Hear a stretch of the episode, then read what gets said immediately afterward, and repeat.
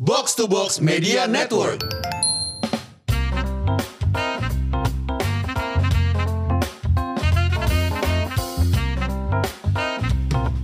Siapa yang sekarang sering ngobrol sama Generation Z, Zilenial? Gue nggak pernah lagi. Ah, Nggak mungkin. Nggak mungkin. Generasi Z, Zilenial itu adalah Umur berapa ya? kelahiran tahun... Sorry ya, inter intermezzo ya. Emang Z tuh zilenial ya? Zilenial. Oh, oke siap. Oh, gue baru tahu. Eh, Ah. Seteran milenial ya? Iya. Zilenial. Mi- Ntar dulu, kita masuk ke milenial, milenial dulu deh. Milenial tuh umur berapa sampai berapa? Milenial Kelahiran itu tahun 80 ya? kalau nggak salah 80 ya? sampai 95. Sampai 95. Iya. Berarti zilenial itu 95 96 sampai 2010. Hmm. 96 sampai 2010. Iya. Betul. Wow. 2010 sampai sekarang. Berarti umurnya 20-an dong. Iya. Iya. Iya. Iya, anak gue sih masuk zilenial ya. Anak lo umurnya generasi berapa Z. sekarang? 14. 14. Dia di bawahnya Gen Z berarti. Apa tuh masih Gen Z ya? Apa E? Generasi E. Nggak tahu lah ya. Generasi Nggak. A. Ya udahlah ya. Nggak. Tapi Alpha generasi Z belum ada itu lagi. menurut gue ada beberapa orang yang gue temuin. Salah satunya kayak si Dustin. Lo tahu Dustin kan? Nggak tahu. Dustin Zero Logic itu. Timberlake. Bukan itu Dustin Justin, who? ini Oh, D. iya. Dia Dustin itu who? Dustin ada lah. Lo makanya ikutin perkembangan Oh, siap. Sorry generasi banget. Z dong. Siapa, siapa, siapa? Dia itu seorang content creator. Oke. Yang lagi Creator. Ah. heboh banget creator karena dia zero logic gitu. Zirologi itu apa ya? Pokoknya kalau ngomong sesuka dia aja. What? Yes. Oke. Tapi lucu, hancur gitu. Nah, dia itu bahasa-bahasanya menurut gua aneh banget, jauh banget. Kalau misalnya, apa kabar lo? Kita kan jawabnya baik ya. Iya. Kalau dia nggak, coba lo tanya gue. Apa kabar? Sepeda, Sepeda. bike. Baik, oke. paham, paham, paham, paham, paham. Tanya gue dong, tanya gue. Apa kabar? Apa kabar? Eh, Super. Anjir. Ah. Udah ketemu anaknya belum, Om? Eh, salah. Buyar, buyar, buyar. Iya, jadi mereka Oh. tuh bikin jadi kayak bahasa yang layer kedua atau ketiganya gitu. Iya. Misalnya, aduh dalam banget omongan lo, aduh palung banget omongan lo. Oh, palung. Karena palung tuh dalam. Gitu-gitu. Tapi dan again kan itu terjadi di setiap generasi lah ya. Iya. Pasti. Oh, oh. di generasi X atau baby boomers atau apa kan pasti juga punya term-term sendiri gitu dan history repeat itself lah ya kayak pada zaman dulu banget dari musik misalnya kenapa ada musik rock misalnya sebagai sebuah bentuk pemberontakan generasi pada waktu itu kalau mundur sebelumnya lagi kenapa ada jazz jazz pada saat itu kan dianggap sebagai musik yang anak muda gitu Iya. terus sekarang ada EDM di mana itu adalah representasi dari apa yang dirasakan dan generasi Iya. sekarang kayak apa. Jadi sebenarnya kan history repeat itself sih sebenarnya. Banget. Nah, Oh. permasalahannya adalah kan kita kan jauh banget nih, bukan jauh banget sih. Sama generasi Z tuh kita kan nggak paham. Makanya hari ini kita punya tamu Hmm. Yes. yang mewakili generasi Z. Asik. Wis, Gimana kalau umurnya- langsung kita 23 tahun. Kenalan sama dia. Iya, kita juga belum kenal sebenarnya. Hai Hai Nadila. Hai, Lo, Nadila. kok kenal? Tapi nggak kenal. Iya, Nadila. Barusan Nadila. umur iya. kamu sekarang berapa? 23 tahun 23 baru. tahun. Terus boleh cerita sedikit mengenai background kamu.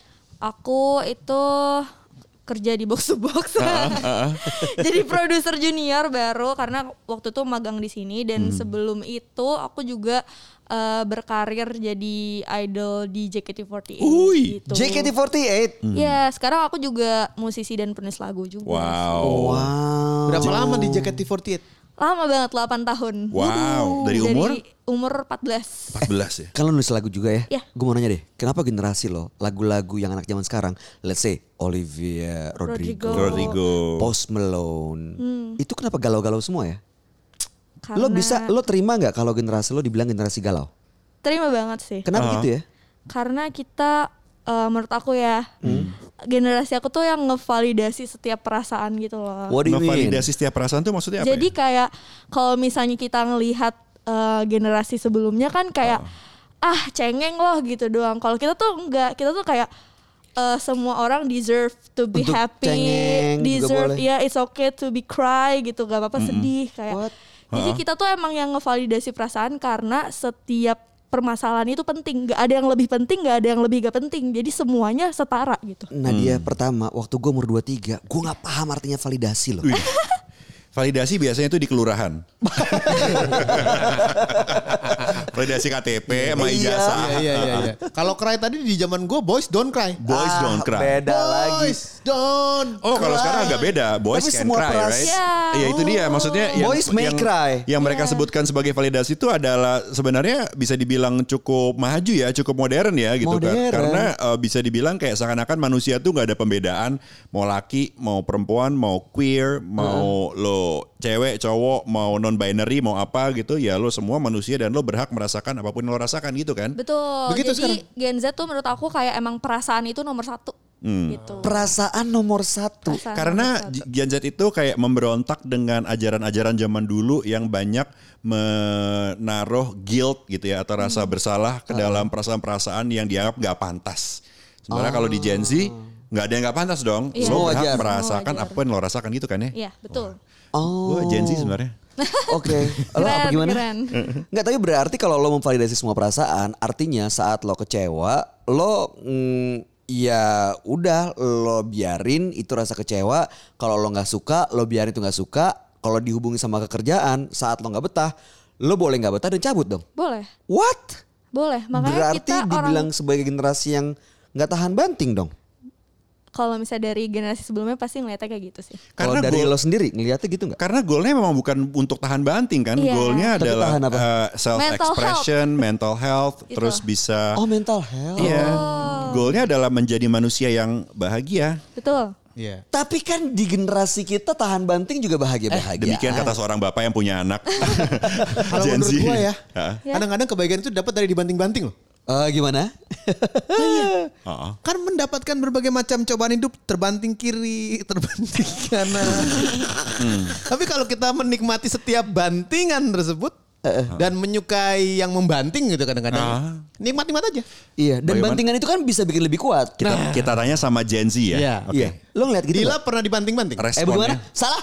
Oleh Bukan gitu kehidupan. pertanyaannya. Oleh Oleh, kehidupan. Ya pasti pernah lah ya. Oh, Apapun masalahnya itu pasti pernah kayak ngalamin sulit-sulitnya. Cuman kalau misalnya di Gen Z, eh permasalahan-permasalahan yang dulu itu sebenarnya nggak usah diomongin lah kayak ya udah lo lupain aja lo dimarahin sama bos lo di anjing-anjingin lah ibaratnya. Kalau sekarang tuh nggak bisa. Kalau sekarang tuh kayak spill the tea please gitu kayak Apa? spill Spill, spill spill, spill the- spill apa? spill the tea kayak Spill- tumpahin tehnya dong. Tehnya itu tuh kayak gosipnya gitu. Iya. Oh, aduh. Istilahnya spill the tea, Spill the guys. tea gitu. Oh. Jadi kayak itu dibanting-banting sampai muntah. Bukan, bukan. Gak semua, gak semuanya ke situ.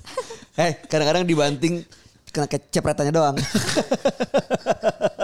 Masalah hidup kan maksudnya. Iya, betul. Oke, anyway. Terus terus terus. Iya, jadi kayak eh, pokoknya emang mental health tuh jadi penting banget deh gitu. Iya. Emang Karena- ke Ada Apa nggak ya? teman-teman kamu yang kena mental gitu? Banyak sih. Dan kayak semua orang tuh sekarang dianggapnya ya semua orang tuh pasti punya apa sih perasaan depresinya sendiri-sendiri gitu loh. Dan ya nggak apa-apa kayak kalau di kita tuh ya udah nggak apa-apa, semua orang sedih kok, semua orang seneng kok. Jadi menurut aku ya kalau di zaman aku tuh sekarang kayak pencapaian yang gede-gede banget tuh mungkin nggak jadi goals utama lagi gitu. Punya rumah, Iya. punya mobil Serius loh.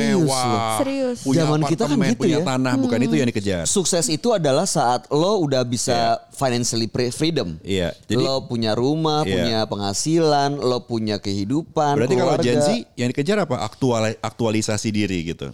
Iya, dan kayak bisa bilang cukup ke diri sendiri gitu.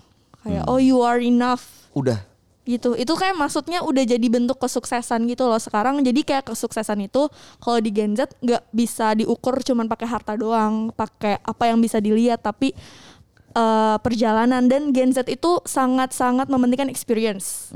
Gitu. Hmm. Oh, oke. Nah, em, biasanya kan em, antar generasi ini bisa nyambung kalau komunikasi, ya kan? Lo obrolin, lo me- bisa mengekspresikan apa yang lo rasain. Nah, berarti menurut lo generasi Z ini lebih ekspresif untuk ungkapin apa yang dirasain. Betul, sangat-sangat ekspresif. Makanya sekarang kan udah banyak banget ya akun-akun yang ngomongin tentang mental health Hmm. segala macam.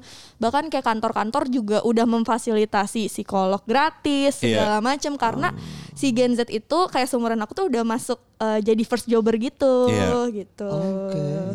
Jadi sekarang kayak udah mulai menginvasi. Iya. Nah, kan banyak benefit lah ya dari Gen Z, ba- dari Gen Z dan banyak kekerenan dan keupdatean gitu ya mengenai perasaan. Tapi sebagai Gen Z lo ada nggak hal-hal yang lo rasa nih kayak jebakan-jebakannya Gen Z gitu, yang hal-hal yang akhirnya membuat si generasi Z ini tuh gak happy gitu, nggak bahagia. Sebenarnya apa sih jebakan-jebakannya kan kalau sebutlah generasi sebelumnya misalnya jebakannya adalah ya kalau lo nggak sukses secara keuangan, lo pasti nggak happy gitu karena lo akan ngerasa nggak nggak cukup gitu kan. Kalau Gen Z kata lo ya udah lo nggak masalah karena tujuan utama lo bukan lagi hal besar kayak uang, apartemen, rumah. Nah, kalau gitu apa hal-hal yang membuat seorang Gen Z itu terjebak dalam ketidakbahagiaan? Menurut gue adalah social media dan kita jadi kayak ngukur kesuksesan itu dari umur sebelia mungkin. Itu tuh jadi satu hal yang kayak ibaratnya kayak kalau di zaman dulu mungkin ya umur 30 baru bisa tabung nikah eh buat rumah gitu kan, baru cukup lah. Kalau sekarang tuh ya umur-umur 23, 22 tuh udah jadi CEO gitu. Tapi yang gue tangkep dari omongan lu barusan yang bikin gue bingung adalah Iya. kalau ternyata yang membuat Gen Z itu salah satunya nggak bahagia karena sosial media, karena FOMO gitu ya, Hmm. ngelihat orang lain lebih berhasil, lebih oke gitu.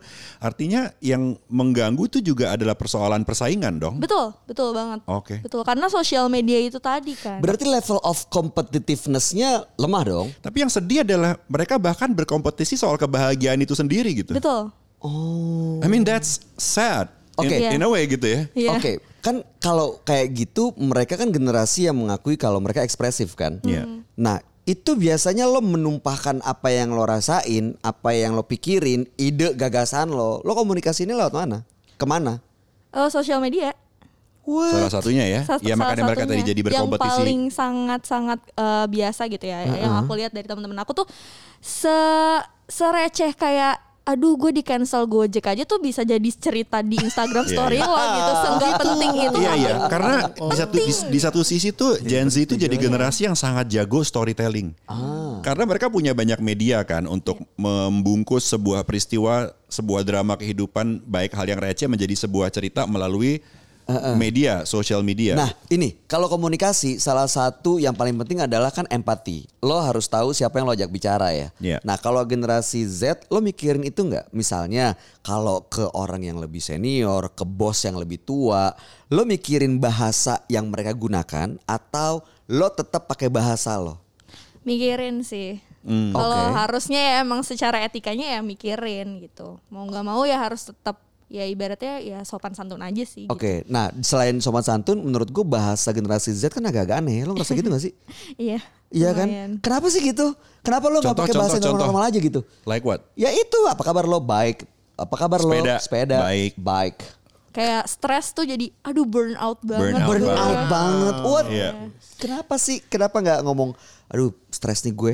Ada overthinking lah, ada healing lah, ada karena ghosting. karena mereka tuh generasi ini tebakan gue ya Iya. eh, tolong dibenerin kalau salah gitu tapi gue ngelihatnya kan Gen Z itu adalah generasi yang lahir ketika internet tuh udah ada dan banjir informasi itu betul-betul kayak tsunami gitu begitu banyak informasi yang mereka dapatkan sehingga mereka punya referensi yang juga sangat beragam dibandingkan generasi-generasi sebelumnya gitu ketika informasi itu begitu banyak kadang-kadang membingungkan karena you don't know what to do with all this information terus mesti diapain gitu Ah. Oh. Apa hubungannya sama istilah-istilah?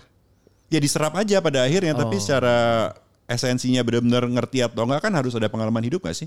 Tapi lo Iya, kalau misalnya ada supaya orang, oke, meaningful ya. Iya. gue mau nanya, kalau misalnya ada orang bilang gue stres nih, terus dibanding gue burn out nih, mana yang lebih lo pahamin? gue duduknya Eh, paham kok. Oke, maksudnya Hmm. yang lebih kena buat lo bahasa burnout atau stres? Kalau di Nah, teman-teman. Kalau di teman-teman sih burn out sih. Nggak- nggak stres ya. Tapi Iya. agak beda lah ya. Kalau stres itu kan kayak yang agak constant. Kalau burnout kan kayak udah sampai titik di Iya, mana lo udah iya, kayak iya. aduh gue begah banget nih gue gak Tapi kuat lagi. gitu. makanya itu balik lagi kan, Kan Gen Z itu. dilebih-lebihkan. Gen Z tuh karena apa-apa perasaan Iya. jadi gampang burn out juga. gitu. Oh. Makanya mereka sering banget healing kayak kok healing-healing mulu sih. Iya. Gitu. Iya. Gimana cara cara healingnya Gen Z? Cara healingnya Gen Z tuh sekarang ke, ke puncak. Ke ya deh, Ke Bali. sama, Ke sama, Bali. sama, sama. Iya, jadi kayak Eh, enggak ding kita kalau ke puncak burning kalori. Maksudnya? Oh, olahraga Olahraga. olahraga Oh, Hiking, naik hiking, gitu, hiking. hiking Trekking. trekking T-walk. T-walk. Atur, Mas. Udah. oh, oh gitu jadi jalan-jalan liburan liburan Jalan-jalan. Iya, terus mungkin ke coffee shop, terus Ah. sekarang Coffee shop? Iya. Iya, coffee shop banget. ah iya iya iya betul, Mu- betul. museum banget makanya kita Iya. tuh experience banget gitu Oh, orangnya. Iya. Orang-orangnya. Kayak sebenarnya sam- sama Iya. sih ke generasi kita, tapi bule gitu. When we were younger, ketika kita usia mungkin 20-an 30-an ketika kami way younger dulu gitu. Sebenarnya yang semua dilakukan Gen Z ini udah dilakukan oleh teman-teman kita tapi kebanyakan bule sih yang kayak mereka banget gitu. sih. Nah, Gen Z sekarang itu ya kayak bule dulu gitu karena mereka punya education terus juga informasi yang cukup banyak. Mereka punya referensi untuk lihat museum, untuk ngobrol, untuk discuss dan lain sebagainya sehingga mereka istilahnya kan lebih woke gitu ya, lebih bangun, lebih hidup gitu. Baik, terima kasih Nadila. Thank Kalau gitu you. kembali ke teori komunikasi guys bahwa Iya. dalam hidup ini komunikasi itu harus fleksibel. Iya. Kepada siapapun lo ngomong, lo harus tahu karakternya, jenis bicaranya. Yang diomongin sama Nadila ini adalah Gen Z untuk metropolitan. Ya beda lagi kalau di suburban, Hmm. Mungkin beda, beda ya. lagi kalau di daerah gitu. Karena Iya. Hmm. setiap daerah pasti punya karakternya masing-masing yang mempengaruhi pola pikir dan juga menyebabkan mereka bicaranya juga jadi berbeda. cerdas. Oke, see you guys.